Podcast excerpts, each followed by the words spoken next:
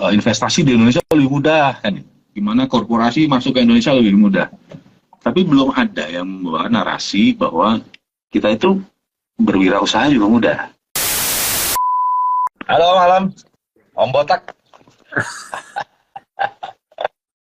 Sehat ya? Sehat sehat sehat. Thank you banget ya Om. Uh, saya merasa terhormat sebuah kehormatan bisa bisa ngundang Om malam hari ini untuk kita, kita ngobrol bareng aja. Ya sebenarnya santai aja ya. Tapi uh, saya rasa uh, mungkin salah satu yang teman-teman kan nanya kita bahas apa ya? Tapi salah satunya kalau dari saya pribadi sih saya pengen penasaran sih sebenarnya Smesco itu gimana sih kita bisa akses fasilitas Smesco dan sebagai UMKM ya. apakah kita ini seller-seller online terutama ya? Karena uh, teman-teman yang follow cerita Om Botak itu biasanya adalah seller online yang berjualan di marketplace itu bisa pakai fasilitas atau um, apa aja yang bisa dipakai di di Smesco dan kedua tentunya kita akan ngobrol soal Indonesia Digital Meetup yang 2023. Ya 2022 saya cuma lihat foto-fotonya doang jadi 2023 harus datang. Enggak sempat ya. ikut waktu itu ya. Saya lihat foto-fotonya bersiliweran di Facebook saya sih karena teman-teman banyak yang ikut. Iya. Iya, iya. Jadi saya penasaran, okay. saya mengundang mungkin uh, ini kan udah udah ada early bird-nya ya, harga tiketnya udah udah di announce. Mungkin nanti kita sambil ngobrol aja kira-kira acaranya soal apa dan gimana caranya buat teman-teman bisa ikut sih. Tapi sebelumnya mungkin boleh uh, dari saya panggil Om aja ya, Om untuk memperkenalkan diri dan uh, jabatannya atau mungkin dari Smesco sendiri gimana caranya bisa bantu UMKM. Oke. Okay. Thank you Om Botak. Selamat malam teman-teman semuanya. Saya sebetulnya merasa terhormat juga bisa diajak untuk live sama-sama Om Botak. Selama ini cuma dengar-dengar aja gitu. Uh, reputasinya. Sekarang uh, kita bisa live berdua. Uh, jadi nama saya Wintor Rahmada. Kalau ditelisik dari dulu sih sebetulnya, ya background kita nggak jauh beda lah saya dulu juga jualan online, tetapi mungkin produknya aja yang beda. Saya dulu startnya dari affiliate marketing. Okay. Dari tahun 2008 saya startnya waktu itu. Wow. Nah, kemudian ceritanya uh, pada saat masa pandemi, uh, saya diajak keliling di uh, sama beberapa kawan-kawan gitu uh, dari Kementerian Koperasi dan UKM Kemudian saya menemukan beberapa fakta yang menarik dan dan juga diberikan pada saat itu uh, oleh Pak Menteri bahwa ini loh Win, lihat ini kondisi UKM kita pada saat pandemi. Uh, uh, salah satu yang bisa menyelamatkan mereka itu adalah digitalisasi. Nah, coba bantu deh gimana caranya biar UKM kita ini bisa selamat, bisa survive, bisa masuk on board secara digital agar mereka bisa sustain lebih lama lagi.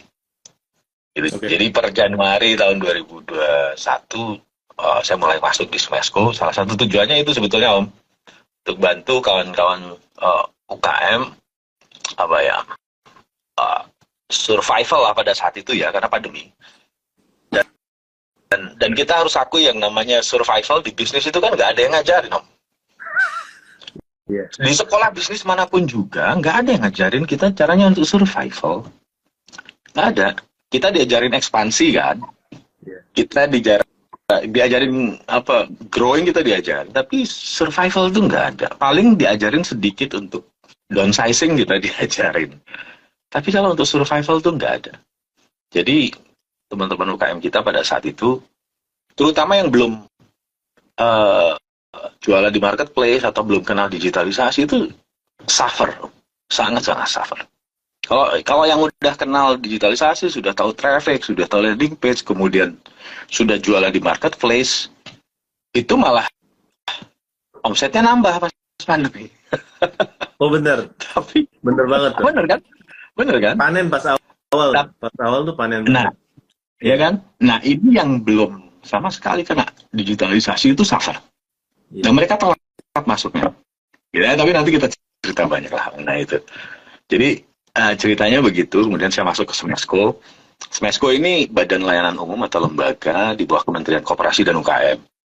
Nah, uh, tugas kami mandatnya cuma satu sebetulnya Mbak yaitu membantu pemasaran produk UKM.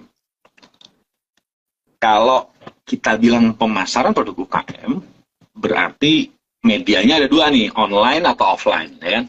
Yeah. Nah, kemudian kalau kita ngomongin coverage-nya, ada dua juga, mau domestik atau mau luar negeri, artinya mau ekspor. Yeah.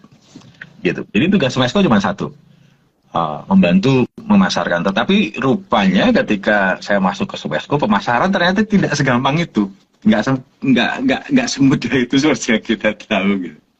Karena ketika kita memasarkan produk UKM, ternyata ada retail offline yang ingin produk UKM-nya masuk, tapi perizinannya belum lengkap. Nah, gitu. Otomatis kami harus bantu perizinannya. Ada yang pengen uh, produk masuk, tapi rupanya halalnya belum ada. Gitu. Jadi, kalau ngomongin pemasaran, pada akhirnya kita ngomongin hulu hilir. Serunya di situ Om Barak. Jadi kita nggak bisa ngomong pemasaran penjualan toh. Jadi kita ngomongnya tetap harus bantu ukm dari hulu hilir. Nah, hmm. Nah, Smesco tugasnya itu. Jadi kita uh, membantu UKM. Kami adalah sayap dagang dari Kementerian Koperasi dan UKM. Uh, yang tujuannya cuma satu, yaitu membantu penjualan dan pemasaran produk UKM. Oke, menarik.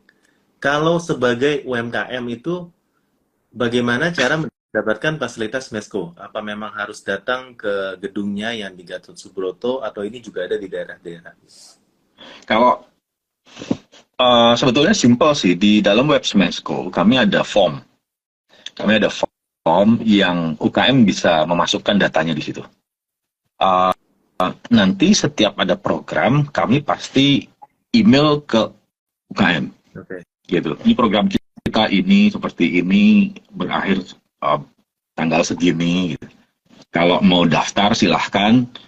Nanti kita biasanya sediakan landing page sendiri gitu untuk UKM-UKM ini daftar.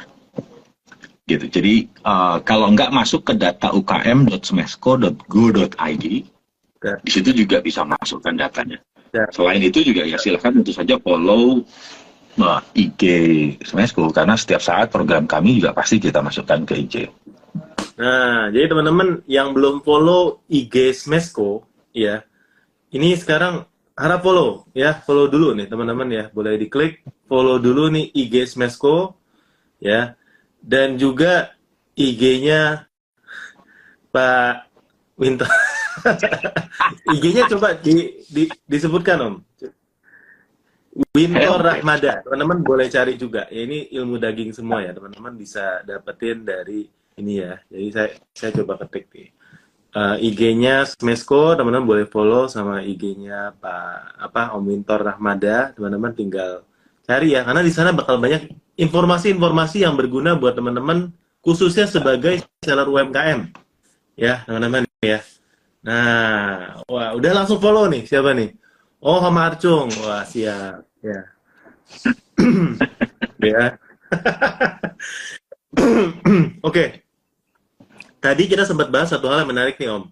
Uh, kesiapan daripada UMKM UMKM ini untuk untuk go digital. Nah, kalau Om sendiri melihat bahwa teman-teman yang berjualan di marketplace ini secara secara apa ya? Secara teknikal lebih siap dibandingkan teman-teman yang belum berjualan.